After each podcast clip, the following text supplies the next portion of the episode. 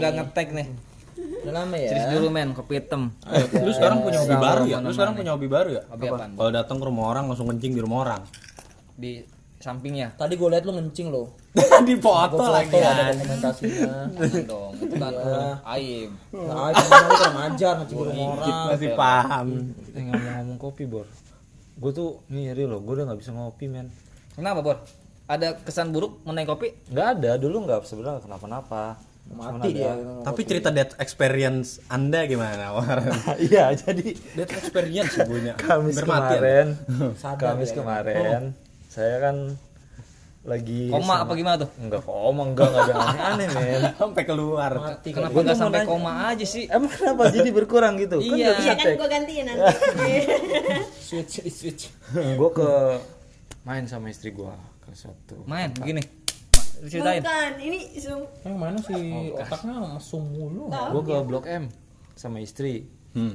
terus di situ di tempat itu gue minum kopi sebenarnya makan roti sama ayam bakar gitu terus cuman salah satu paketannya dia sama kopi es kopi Makan roti sama nasi.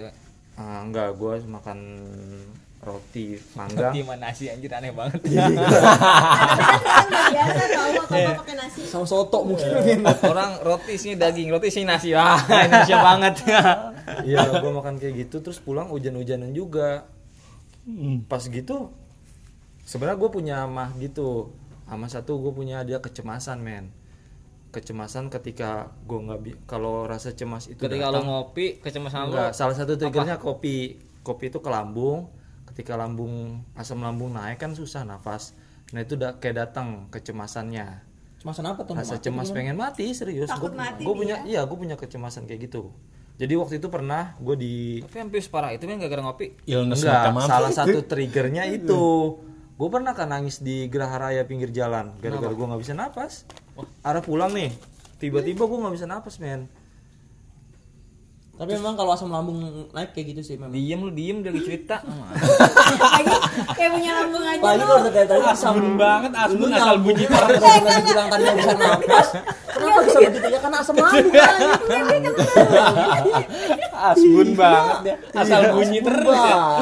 Dari tadi dijelasin orang sakit asam lambung naik nggak bisa napas sih. Asam lambung emang bisa ya kayak gitu ya? Ya orang asam lambung naik gitu. Asal bunyi doang dia. Nah, tapi sebenarnya orang kalau mungkin punya asam lambung atau kenapa kalau biasa aja ya udah biasa itu tahu sakit kalau gue datang cemasnya jadi kayak takut nih kayaknya gue lewat deh nih kayaknya gue mau mati deh nih itu gue di pinggir bukan geraha sana sih geraha arah yang ke Ciledug gue pinggir jalan gue nangis terus gue kepikiran gue belum sholat isya itu. Sebenarnya emang nggak pernah sholat kemarin kan ya. Sengaja kepikiran. gini pikiran gue loh pikiran gua- kepikiran sholat men. pikiran gue kayak gini seenggaknya kalau lu mau ambil gue gue sholat dulu. Gue nelfon siapa? Lu tuh ngomong ke siapa lo? Cing Firman. Lu mau ambil gua astagfirullah iya yang gue pikirin gue langsung telepon. Cing Firman lu di rumah nggak iya Ngejanin ke rumah." Firman. enggak gue cuma mampir ke rumahnya gue numpang sholat isya men. Subhanallah. udah kayak gitu ya. Oh ya udah. Terus langsung nggak sesak napas di situ loh. ada masih ada. Gue nggak berani pulang cuman nggak enak. Akhirnya gue paksain pulang. Setelah tidur sih sembuh. Nah abis itu gue udah tahu trigger gue kopi. Gue nggak bisa ngopi. Sampai kejadian kemarin nah JH tuh sebenarnya sering minum kopi. Gue minta itu nggak kenapa-napa. Cuman gue nggak tahu tuh tuh kopi susu kemarin bahan racikannya apa gue sampai Iya kayak itu. Lu naruhin racun kan? Cyanida kali ya. enggak JH suka Dia punya dendam waktu itu. enggak enggak masa justru kalau JH sama ngopi gue minta gue nggak kenapa-napa Dia kandungan kopinya tinggi, kandungan kopi lu tinggi karena lu punya asam lambung naik jadinya. nah Kafein. mungkin kafeinnya tinggi ya gue nggak ngerti ya sampai di rumah kan biasa tuh udah gue nggak sholat maghrib langsung pernah emang tapi. Hah? Pernah. apa Lu kan nggak sholat maghrib. Ah. Pernah tapi emang. Sering kemarin-kemarin Udah lanjut.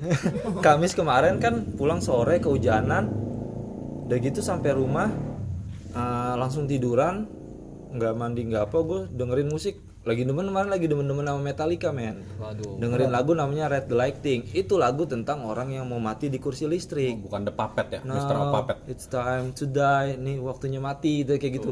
Tiba-tiba ya, men, Pas banget itu. gua gak bisa napas. lah, nih gua kenapa? Gua bilang nih gua kenapa nih? Gua masih nggak nggak tahu karena itu kopi ya. Ke trigger lagu ya. Ke trigger. iya, Nggak kopi lagi lagu. lagu. Makanya tuh lagu bikin mindset lu berhenti napas lu kali ya.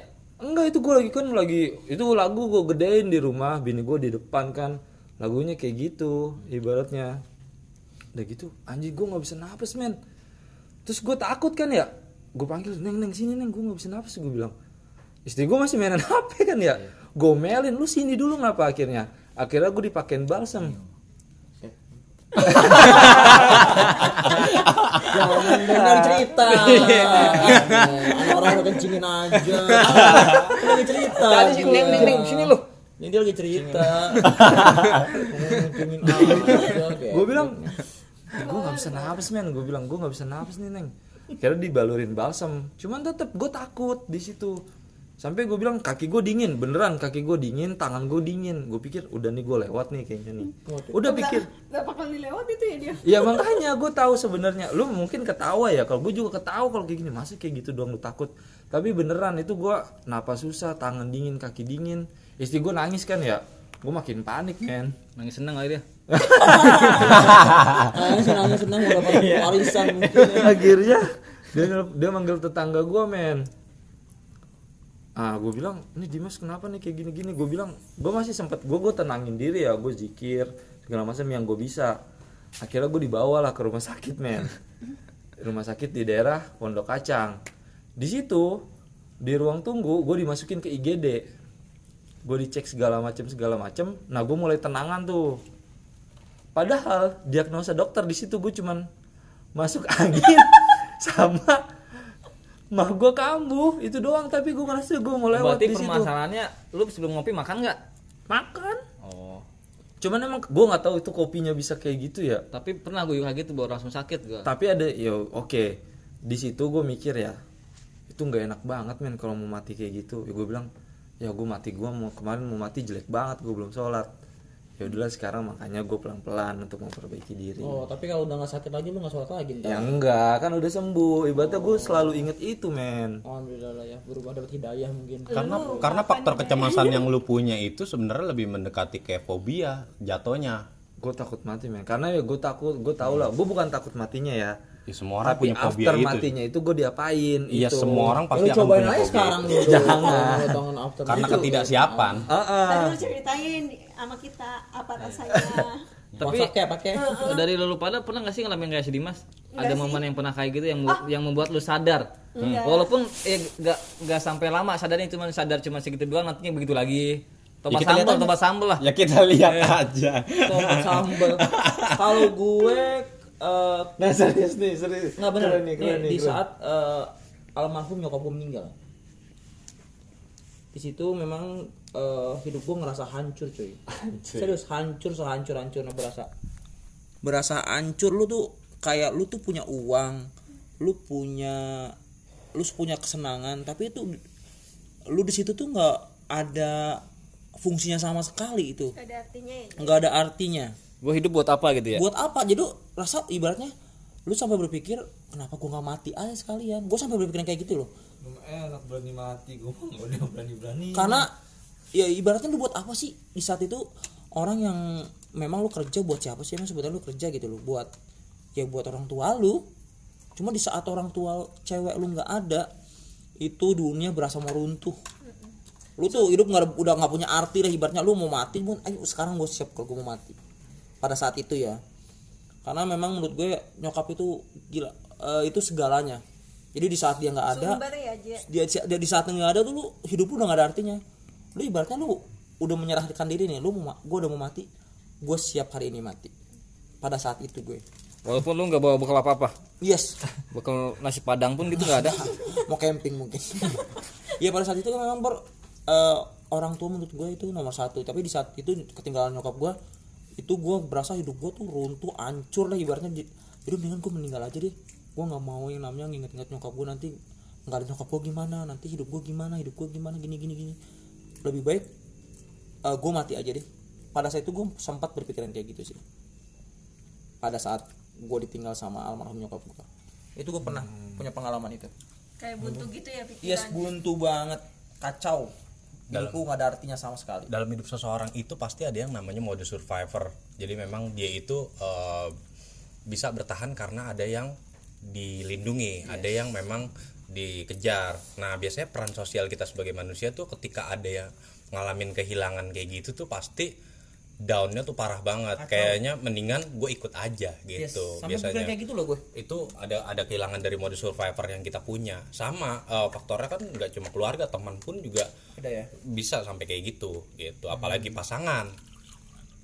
Dari pasangan sampai orang tua tuh gue pernah ngalamin itu. Jadi makanya gue bilang itu fase terberat hidup gue tuh.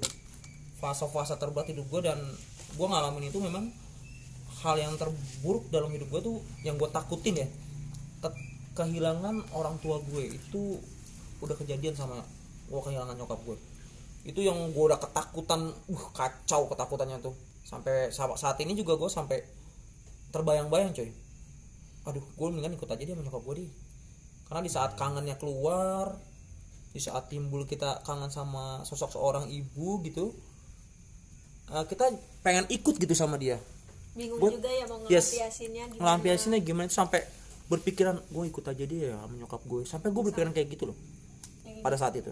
Tapi lu dapat pelajaran sih dari dari Banyak. dari itu. Maksudnya kan kayak si Dimas tadi kan gara-gara dia mau mati, gara-gara minum kopi akhirnya kan dia dapat hikmahnya, dapat hidayah, dia dari lebih gua memang- nemuin jalan yang benar. dari dulu itu gue sampai gue sampai maaf ya kayak dulu kan ya mungkin dari dulu gue memang sholat itu bolong-bolong kebetulan tapi Sekarang- pada, sekarang- sekarang lebih bolong lagi Sekarang bolongnya gede Ah, gitu. lebih ya. bolong gede banget sekarang gue itu- pas bolong pas ke, dulu gue di yang pertama gue tinggal pasangan sama nyokap gue itu gue memang lebih mendengarkan diri sama yang maha pencipta pada saat itu. Karena di saat itu jujur bener ya jujur banget nih ini pengalaman ritual apa, spiritual gue nih. Memang kita tenang coy. Di saat itu kita bener-bener yang namanya lu gimana sih? Lu nggak kayak lu kehilangan arah nih. Lu kehilangan arah lu otak lu tuh nggak udah amburadul yang nggak jelas tapi di saat lu berdoa di saat lu eh oh agak religi banget ya gue sorry di saat lu berdoa di saat lu eh, meminta sama yang di atas itu hati lu tuh Tenang. tenang tenang banget gimana sih kalau adem Tapi lu pernah ngerasain kayak tenang kayak gitu? banget gue Sekarang pernah eh, sekarang kenapa lu menjauh? Nah sekarang ya kebetulan bisa di, ya, kalau itu nggak bisa tolak ukur Bor. Nggak bisa tolak ukur. Lu kayak belajar ya? Lu kayak mojokin Bener-bener di narasumbernya. nggak bisa. kayak gitu? Jadi ini bukan narasumber. Kenapa lu nyolong? Iya, kayak gitu. Nah ya iya nah memang pada saat itu memang eh, memang sih memang ya kalau sekarang kalau si temen gue tadi barusan Dimas cerita itu gue pengen banget dapat hidayah apa pun itu pengen banget dapat hidayah. Amin, mudah-mudahan. dalam suatu hal karena hidayah yang kayak tadi si Dimas dapat itu itu belum nggak semua orang dapat sih Betul, Bang. nggak semua orang dapat. Gue pengen justru gue pengen banget dapat dari kayak dulu ya. Kayak dulu gue dapat bukan hidayah sih maksudnya kayak gue dapat ya itu maksudnya jadi dalam hati gue tuh kayak ah tenang gitu. Ya mungkin si Dimas ngalamin itu sekarang tapi nggak tahu ya bertahan berapa lama ya. Tapi semoga sih bertahannya selamanya. Semoga istiqomah lah. Iya alhamdulillah semoga bertahannya selamanya. Alhamdulillah. Ya intinya ya gue pernah ngalamin itu. Karena gue ke trigger bokap. Bokap gue umur cuma sampai 55 gue yakin tuh manusia yang nggak bisa karena gue ngeyakinin gue nggak bakalan jauh dari orang hidup dari orang tua maksudnya ya rata-rata kan Lama umur manusia berapa Hmm, sih? berapa sih katanya kan 60 ya Tiap orang Nabi ya, tiap orang punya keyakinannya sendiri Ah, sih. bokap gue aja nyampe nya 55 Pak gue udah 26 setengahnya lagi mau buat apa lagi sih Udah lama lo ya? Hah? Udah lama berarti. apanya Masih tetap Iya. ditaker jadi kan dia. kalau iya gue kadang punya pikiran kayak gitu kalau gue dari 1 sampai 25 kemarin eh, itu dosa semua berarti ya dari 26 sampai 50 nanti gue mau umur terakhir bokap ya gue mau yang baik-baik. Biar balance. Biar balance. Jadi kalau lu eh, ini balance nih anak nih kayak kayak gitu dosin langsung ah lu mah ada orang dalam kali Bor, eh, Ini di siapa, Bor? Hah? Ini siapa ini? Cewek. pembuat kopi pembuat kopi kopi ya. Bi, kopi bi. bisa diatur dia pembuat kopi sih pada ini gimana pada ini yang ngerubah yang ngerubah kita gue sih nggak pernah punya stigma kayak gitu ya tapi kalau gue tarik kesimpulan dari kalian berdua tuh yang ngerubah kita justru adalah keyakinan spiritual ketika kita punya death experience apa Iya, namanya mungkin- pengalaman yang hampir mati ya kayak almost dead gitu ya Enggak mungkin kalau Jihad karena kematian maaf nyokapnya. iya, Gua ah. gua sendiri langsung. Iya, dan dan secara nalar pun karena kita dari kecil memang diajarkan tentang keyakinan spiritual, pasti ujung-ujungnya kita akan eh, balik lagi kepada spa- sang pencipta kita, gitu loh. Jadi eh, apa namanya? Cuman ini adalah pa- eh, paling beratnya adalah ketika kita bisa istiqomahnya atau enggak, Nah, iya itu. gitu. Iya, Nah, esensinya itu itu. Tapi, yang susah tapi sih setidaknya kita eh, nalar dari hati kecil kita tuh kita punya keyakinan spiritual bahwa apa yang kita yakini tuh ya kita akan kembali kepadanya. Iya. Setuju. tapi gue pribadi alhamdulillah ya gue pribadi gue nggak pernah takut mati pada saat Astagfirullahaladzim. sekarang pun enggak maksudnya kenapa masih apa yang harus ditakutin bukan maksudnya gue enggak gue enggak. Dia aja yang aduh lu mah gimana enggak. sih? ini, ini beda persepsi. ini beda persepsi. Perspektifnya ini beda. persepsi. Ini beda persepsi ya. Ini beda persepsi. Bokap gue ngajarin jangan pernah takut sama yang namanya ajal. Gue nggak takut aja. Karena- karena- ajalnya itu gua karena?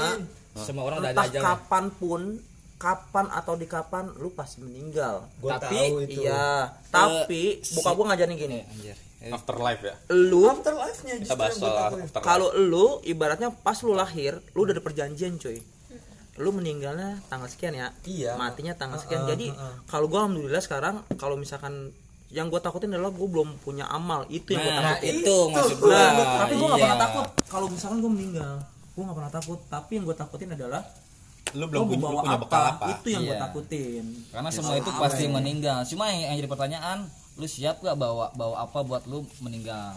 tapi kalau logikanya kalau lu kayak muka lu ya muka-muka jahat mah yang, yang orang orang jahat mah lama matinya bor Yang baik-baik yang duluan diambil ya. kalau dibilangin lu nggak percaya Dan gue kayak takut apa ya?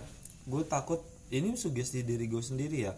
Karena gue ngerokok atau apa, gue takut itu selalu gue bilang padahal itu cuma sakit apa lambung gue takut nih jantung mau pecah nih jantung mau pecah nih kayak gitu mulu Eh, pikiran tapi gue nih sedikit sharing ya. Eh, sedikit sharing. Gue kebetulan punya teman yang namanya dokter spesialis jantung. Gue sharing sama nyokap gue sharing ketika nyokap gue meninggal. Ini buat pengalaman juga sih buat listener supaya mungkin emah itu jangan dianggap remeh di saat gue cerita sama temen gue nyokap lu kenapa meninggal? Nafas gue susah lagi nih. Eh, serius? Aduh, Dim. Enggak serius enggak? Enggak, Anjing. Real time loh ini. Nih, tiba-tiba lu kejang-kejang di sini mati lah gue kenapa nyokap lu meninggal? Sakit mah cuy. Mah meninggal. Gejalanya kayak gimana? Kembung. Karena pada saat itu nyokap gue katanya muntah serius. Nyokap gue sampai muntah akhirnya gue bawa ke dokter. Gue tanya dokter enggak ini cuma pola makan aja karena ditekan sakit perutnya sama si eh, nyokap gue Ada eh sama dokter itu. pengen duduk. Nah itu. Ah setelah itu gue ceritain eh, nyokap lu pas meninggal kejang-kejang nggak? Kejang-kejang. Eh, bro eh, orang meninggal emah itu nggak ada yang langsung meninggal. Terus apa dong? Jantung koroner. Ternyata banget bener itu jantung koroner itu gejalanya kayak emah kalau misalkan nyokap lu kejang-kejang mungkin maaf ya kata dia gitu. Kalau misalkan lu langsung bawa ke dokter atau bantu alat pacu jantung mungkin nyokap lu masih ada pada saat itu. Karena memang nggak ada paling paling jelek paling bantal orang sakit mah itu stroke. Nggak ada yang langsung meninggal. Oh, karena mah. sakitnya bisa langsung stroke. bisa. Bisa langsung stroke karena yang gua alamin bokap gua asam lambungnya naik dia nggak bisa gerak sama sekali. Perutnya. Nggak bisa gerak bokap gua sampai nangis sakit mah. Gak bisa napas. nggak bisa napas sama dan hati-hati sama si penyakit jantung koroner karena gejala sama kayak mah. Itu kata dokter spesialis ya temen gue kebetulan. Jadi gue bilang lu cara ngebedain antara si susah antara mah sama si eh, jantung koroner. Itu Bor, penyebab mah itu apa sih Bor sebenarnya? banyak pola makan sih pola Enggak makan enggak teratur ya? yes. Stres stres itu pak kacau. Lu lu stres nih itu asam lambung pasti naik. Kalau lu stres kayak pola pikir lu banyak atau lagi lu banyak masalah terus pasti otomatis asam lambung lu naik. Dan lu nggak bakal makan telat. Pertama sih slow aja lu makan telat. Cuma entar lama-lama lama-lama kok perih ya? Kok perih ya? Itu lama-lama tuh usus lu lecet nanti. Lama-lama bawa asem. mati tiba-tiba lu di situ. Lu gimana bor? Lu Alham- alhamdulillah. Enggak enggak gua amit amit ya jangan jangan sampai kejadian. Ya, tapi gue belum pernah Bor. Apa Nggak Jadi pernah belum lu? belum pernah belum pernah kayak gitu. Jangan pernah bukan belum pernah ya. Terus sekarang apa yang dirasa? ya yang, yang ya alhamdulillah Ya sehat. gini-gini Iya. aja kata dia Gini gini-gini aja, aja. ya We'll be aja. fine, we'll be fine. cuma gini gini aja Gini-gini aja ya. Kan ada tujuan ya.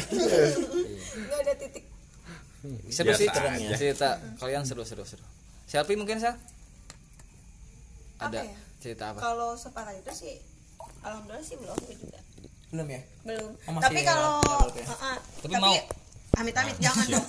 Tapi gue juga sama tipikal kayak orang yang suka makan terus gitu. Uh, cuman kayak nggak dirasa ketika gue sakit ah paling ini mas sebentar sebentar. Tapi gue juga kayak dapat warning gitu. Lu oke sekarang mah enak gitu ya. Nggak dirasa. Entar tua sedikit. Menyepelekan ya biar ya iya yang tadi lu bilang eh ya, pernah sih kayak pengalaman kasih Dimas lu pernah sakit sampai lama terus lu inget eh, yang sama puasa sampai mau berubah gitu kan? Eh, kalau misalnya itu sih belum ya. Yang belum dong yang Iya enggak, maksudnya ya. enggak. Tapi gue pernah kejadian seperti ini. Jadi gue waktu sekolah SMP eh, ceritanya mungkin gue nggak enak badan tapi nggak dirasa. Terus ketika gue hawa gue tuh kayak- cuman gue kayak kebelet pengen pipis gitu ke kamar mandi dong. Oh, enggak. Terus udah kayak gitu eh, pengen pipis tapi kok boker? Enggak agak nyerempet ya. agak bingung juga. Sih. parah banget. Terus udah kayak gitu Rumah aja coba deh. setelah itu jadi eh, udah tuh kan udah gue udah dari kamar mandi dan gue tuh kayak nggak ngerasain apa-apa gue kayak pingsan. Tapi di situ gue ngerasa gue lagi ngegotong orang padahal gue yang lagi digotong demi allah itu real Heeh. iya sumpah. Ini ya. Merinding gua. Demi allah ya itu real banget sampai gue jadi gini gue pingsan nih. Kondisi kan gue nggak sadar dong. Maksudnya nggak tahu lah nggak tahu apa yang terjadi. Tapi di situ kayak gue ngegotong orang. Itu selang cuma beberapa menit sih. Setelah itu gue kayak Bangun eh, lagi ya? enggak sedikit sedikit kan gue kayak melek gitu puyeng kan terus kata gue ada apa kok rame? Kata gue gitu. Nah di Iya, situ dia. bisa jadi kurang darah ya Je nah di situ gue kayak ada apa rame? Kok kok tadi gue lagi ngegotong orang tapi kok ini gue yang lagi di apa dikelilingin orang ah, kayak gitu. Terus udah sih itu itu pengalaman yang kayak maksud gue kenapa ya kayak gitu? Kayak kehidupan lu menarik juga. Bro. Ceritain dong yang menarik-menariknya gitu. Tadi kan banyak tuh sampai si Selfie pun punya cerita yang ya kayak gitu. Maksudnya gue baru tahu ya kayak ada yang kayak gitu. Kalau lu ada nggak sih pengalaman yang ya mungkin nggak sa- pernah dek- gue pernah gitu. deket banget gitu ibadah pernah kuat banget ya Iya gara-gara kan saat tadi kan ngebahasnya gara- gara-gara Dimas kayak gitu jadi ibadahnya kuat banget kan enggak enggak Ya nggak harus itu sih maksud gue. Lu ada nggak sih pengalaman yang kayak kita ya kita kayak gitu? misalnya gini lu lu nggak harus lu pernah jadi mati suri lu kayak harus gitu jadi Iya. baik du, baik juga abis dari Iya itu lu punya pengalaman aja lu ada aja nggak harus berimpik sama ada gua. sisi Ah, hidup lu lurus-lurus Ya aja. gini-gini aja katanya. dia mah lempeng aja kayak bihun Nggak menarik juga kehidupannya kayaknya. Iya, kalau gua lagi sekarang lagi ngamatin itu itu ngapain dim Gitar. Metallica. Oh, lagi merhatiin ada Chef Haryo lu tuh Chef Haryo. Siapa lu tahu? yang kemarin demo itu bukan Siapa? ya ayo yang lu liatin fotonya ke gua Ya, Aryo. Haryo. yang Haryo kemarin Pramo. demo bukan halo Sep di di toko Bukan, Chef Hari gue tahu. siapa sih itu Itu eh Sep Dulu masih di TV ada Harmoni Alam. Indosiar ya Tas tuh. Rudi Hairudin gue taunya. tahu deh. Pak. Mudah, bukan cara membuatnya. Beda lagi. Nah, dia angkatannya angkatannya dia tuh. Indosiar itu mah. Taunya gua Sep Juna aja Itu yang dulu yang atau yang ini desaku Sama Aryo, oh gue tahu. Kalau ngeliat mukanya gue Tahu tahu. nggak dia sekarang kayak gimana? gimana emang Duta hijrah men. alhamdulillah Alhamdulillah. Ceritanya- Tatonya masih tapi. Tatonya masih. Ceritanya sa- mungkin sama dia. Dia tuh nggak nggak jadi pengen hidupnya pasang tato nggak ditenangin sama hidup. Terus pas lagi depresif kayak gitu, dia kan bodybuilder ya, push up juga, ngebangun badan. Terus lagi depresif depresifnya, dia ngelakuin olahraga keras, olahraga keras, jantungnya pecah di dalam pembuluh darahnya. ngeri ngeri ngeri ngeri. tuh lu kurang kurangin berat olahraga berat tuh sebenarnya Olahraga kalau- berat. olahraga berat kalau kitanya marah segala macam itu nggak bagus loh Kan banyak juga kan artis yang meninggal gara-gara abis olahraga kan. ya. banyak. asram Asraf ya? BCL Iya. habis olahraga iya futsal mungkin karena kecapean kali ya badan ngedrop gak siap di olahragain gitu ya begitu kali Eh, enggak posisinya dia juga badannya kayak dia lagi kurang sehat kali? Bukan kurang sehat apa sih? Dia marah psikologisnya terus olahraga. Oh emosi. Stres lah stres lah ya. Ya karena stres pacu jantungnya kalau marah ya. itu lo deg-degannya kencang terus tiba-tiba dihajar sama olahraga ya pecah lah dia ngerokok kolaps brak. Di scan di scan gitu jantung aortanya pembuluhnya pecah di dalam men. Udah gitu itu dia lagi susah-susahnya lagi bangkrut-bangkrutnya. Nggak punya duit Mm-mm, dimasukin rumah sakit. Mm-mm. 13 dokter yang nanganin dia dia harus dioperasi men katanya. Habis dioperasi dia karena dia artis dikenalnya itu banyak biaya ya? operasinya 400 juta. Dan itu dikatain dikata dia sanggup. Padahal dia nggak punya uang. Mm. padahal dia punya BPJS akhirnya dia bilang saya nggak nggak ada uang sampai segitu. Dia juga lagi bangkrut bangkrutnya kan ditinggalin keluarga. Habis dari itu dia cuman akhirnya dia pakai lawyer pengacara buat ngebalikin bahwasannya nih gua orang Indonesia terus bayar BPJS dengan tepat terus mau pakai jasa BPJS jangan cuman gara-gara dia artis dia nggak bisa. Akhirnya dia menang di pengadilan. Tapi dia harus nunggu. Padahal dia udah harus dioperasi men. Kalau nggak lewat dan kesembuhan operasinya tuh 50-50 kalau nggak dia berhasil ya udah dia mati gitu. Terus sekarang? Dia nggak dioperasi. Tapi dia sehat. Dia cuman ya itu sholat tobat ya dia mempersiapkan kematiannya lah ibaratnya. Kata dia kalau kan napasnya udah susah ya waktu itu udah setengah jantung kan dia bilang gue aja napas susah katanya.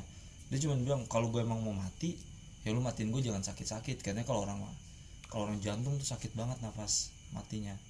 Nggak tahu ya mau mati atau nggak apa napasnya udah susah. Yang lo rasain kali ya gue mah enggak gue mah susah napas doang itu juga udah takut gue gimana yang napas coba lu? cek deh mendingan. Janganlah takut gue anjing. Lu ronsen deh mendingan. Janganlah lu nakut nakutin aja lu. Ya enggak maksudnya buat buat apa tahu dini sih. Tahu penanganan Iya mungkin biar lebih siap kali kayak gitu. olahraga yang baik itu biar nggak sampai jadi penyakit gimana? Eh, berarti harus yang wajar-wajar aja ya? Ada ada porsinya sendiri Ada berarti ya? porsi. olahraga apa tuh? Ya apa pun. ya apa pun. Olahraga malam beda. Eh, ke situ lagi tetap. Aduh. Biasanya kan normalnya kan satu minggu tiga kali kan. Kalau misalnya kita bodybuilder ataupun itu. Dan nge-gym pun lu nggak boleh se- sehari eh seminggu full. Iya nggak boleh. boleh. Hmm? minimal maksimal seminggu tiga kali sih. Kalau lu nge-gym ya.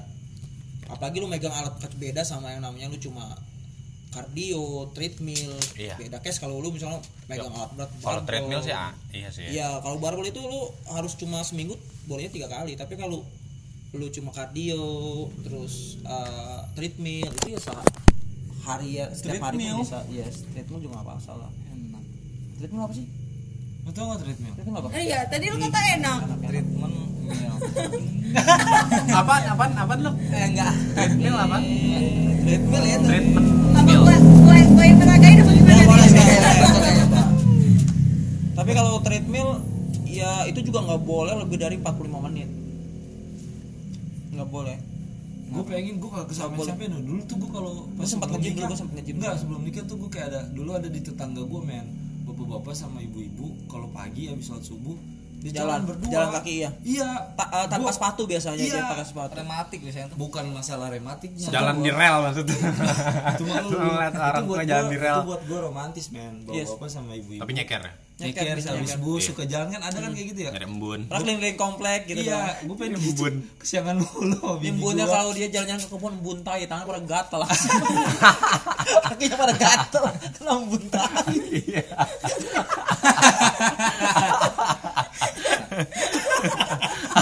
kebun banyak kena buntai. ah mantap Tapi emang masih ada kok di tetangga gue juga masih, Masih ada kan kayak gitu ya? Pakai celana training, jalan training. kaki masih ada gue. di sini juga suka ada yang lewat Iya masih ada pagi-pagi. pagi-pagi Heeh. suami istri gitu jalan. tapi kadang nganterin istrinya beli sayur pulangnya gue itu gitu iya Bokap gue itu juga gitu. sama bokap Iya gue. kayak gitu ya. Nah, cerita pernikahan boleh nih. hal romantis yang pernah lu lakuin sama bini lu apa Enggak ada sih. hal romantis. Eh betul gagal romantis lo Enggak. tadi lu cerita pertengahan katanya maunya romantis romantisnya digituin gak ada romantis nggak sih? Enggak, ya gue suka kayak gitu tapi untuk kayak gitu gue belum bisa. kenapa? Tapi pernah gak sih lu ngelakuin hal romantis ke pasangan lu? Walaupun beda te- eh, kita kan sekarang gak ada tema nih gak ada judul eh, bebas-bebas aja. obrolin yang lu mau. Jing sebenarnya dia nggak apa sih lu nggak apa sih nggak intinya apa dan tanya intinya hal romantis yang pernah lu lakuin sama pasangan lu mungkin lu yang pernah lu lakuin sama cowok lu kayak gimana tuh romantis kenapa lu dulu Ah, eh ya oh disetrum dia macam-macam lo jambuk lo anjing kayaknya udah makin ngablung makin ngabus makin malam si Nirmala ini kalau gue sepertinya. balikin ke lu hal romantis yang pernah lu alamin eh lu lakuin apa gak ada Enggak, kita balik aja, kita balik aja jangan kita yang romantis. menarik nggak menarik juga dia Ah, kayaknya Gua kita balik aja. Kerjaan kita yang romantis. Lu pernah diperlakukan romantis kayak gimana sama orang? Sampai itu kan gua- kan gue cowok bor eh bisa tapi emang lu nggak pernah emang lu nggak pernah sih Emang lu cowok gak pernah Emang lu pernah? Nggak pernah. Enggak ya kayaknya. Orang dia menikah yang juga. mau bor gua. Enggak enggak enggak gak pernah gua gak pernah. Mungkin lu lagi jadi lu nikah ini settingan apa gimana? Settingan modelnya Masih- kayak si ini kayak artis sekarang. Eh, masih ada. Naikin rating. Ini sih masih ada apa pelet pelet. Ah, iya. oh, oh masih zaman. dalam naungan Nggak pelet. nyambung kayaknya semakin lama ya. Lo dia mau jadi bengong anjing. Nggak tahu lu kan gue nanya lu. ya gua kan gua nggak ada. Dari kematian mungkin kita kayak nih kayaknya nih perempuan atau mungkin ke istri ya kalau sekarang yang istri. Istri lu nih kayaknya lu romantis amat. Mungkin kita nggak ungkapin tapi gila istri gua bisa kayak gini ya. Nggak itu bukan sebenarnya bukan romantis maksudnya perhatian Nah, sampai- perhatian sampai segitunya gitu sama gua. Iya perhatian kecil aja terkadang kayak bisa jadi disimpulkan kayak oh dia roma- romantis loh bisa bisa Iya, jadi gitu. seperti itu. Atau hal-hal kecil yang bener ki? Nggak ada ki? Nggak ada masa ada lah lu pasti. Neng gila. Ini gua denger ini lah kan Ya, emang gua apa-apa. gua ngebiji-bijin lah emang gue cewek sama cewek lain kan gue orang gua ini lu kan kan? gua oh versi enggak. istri lu. Dia takut kalau nyeritain hal romantis. Enggak tadi kan kita kan kan? ceritanya kan kayak tentang kematian. Kita pernah dan itu nggak pernah. Sekarang lu hal-hal yang Romantis. diromantisin sama nggak pernah juga. usah kita yang lu romantis dah. ya. kita. ya paling kalau sepele sih gua sepele sih ya, ya hal sederhana yang kayak gua balik gawe itu disediain makan minum itu juga udah hal itu klise itu sih. klise enggak itu klise itu enggak, itu mah ya. biasa bon nggak romantis itu mah apa yang romantis orang meja makan. Lu berarti kalau pulang ka, pulang pulang nih ke tukang nasi ke tukang pecel ayam disediain makan berarti sa, romantis tukang pecel ayam. Bayang Romantis. ketika bini lu tiba-tiba beli lingerie sih nah Itu gue romantis. pulang bini gue begini nih romantis semakin gak nyambung ya kan nggak dapat juga benangnya sebenarnya dia hidup untuk apa sih aku juga bingung sama pola pikir dia kadang-kadang. Pada ini gimana pada ini kalau menurut gua romantis itu gue itu kadang kan lupaan ya. Tapi terkadang istri gue tuh lebih ingat momen-momen yang memang apa yang menurut gua gue lupa. Kadang gue ulang tahun gue sendiri aja gue lupa. Jadi memang tiba-tiba diingetin. Bahkan H satunya itu udah kayak disiapin surprise gitu tapi gua tapi maksudnya dia itu nggak bisa nutupin gitu. Dia nggak bisa nutupin. Lupa dia itu dia itu nggak bisa nutupin tapi guanya tahu kalau misalnya itu dia bikin surprise kecil menurut gua itu romantis. Lu pura-pura nggak tahu ya? Karena Iya, eh, gua orang- karena gua pura-pura nggak ketika tahu. lu diperlakukan diperlakukan seperti itu kayak hati kecil lu tuh bahagia kan? Kayak gitu Iya, kan? ah, walaupun Iya kan? memang walaupun memang gua nggak ungkapin. aja, iya. Iya kita nggak perlu ngungkapin iya iya iya kok dia nggak ada ya? Gue juga bingung makanya kisah hidup dia. Lah. Sebenarnya lu nikah untuk apa sih? Settingan cuy. Kayak artis-artis zaman sekarang. Ya oke nggak harus nggak harus istri deh nyokap bokap. iya. ya siapa? Nggak ada juga. Gue pernah digendong sama bokap gue pas kepala gue bocor. Ih gue pernah gue pernah digendong sama bokap gue tuh jadi gini dulu gue kan ke- masih kecil tuh umur gue kuat eh, tapi bokap lu ya Iya, dulu kan gue gue kuat terus dia Tetep aja stereotip. Ini real. Tapi enggak enggak enggak, ini sumpah real.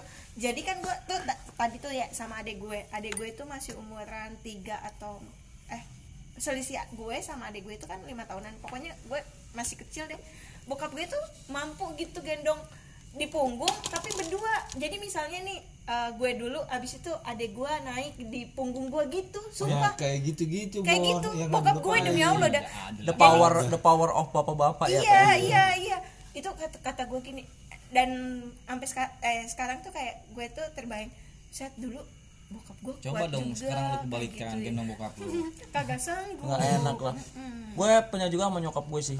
Jadi kayak dulu gue sakit tiba-tiba gue sampai nangis ya maksudnya situ Iya. seorang ibu itu sampai segitunya loh sama anaknya gitu loh.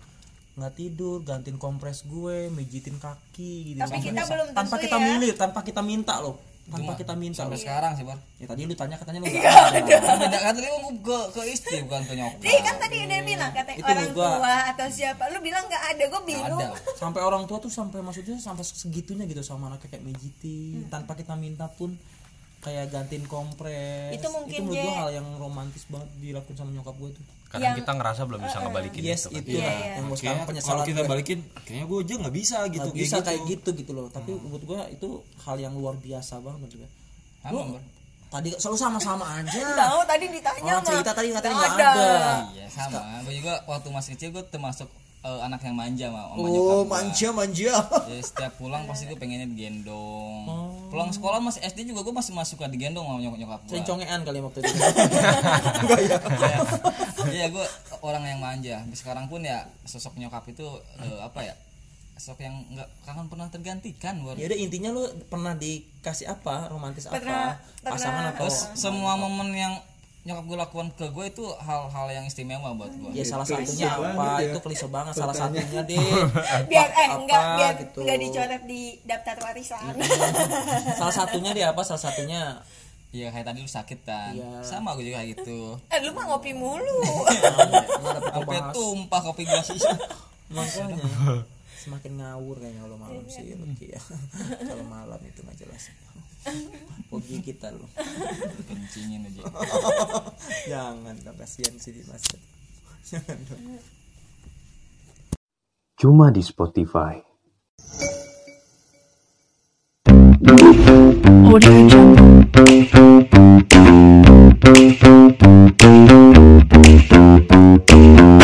Audio Jungle.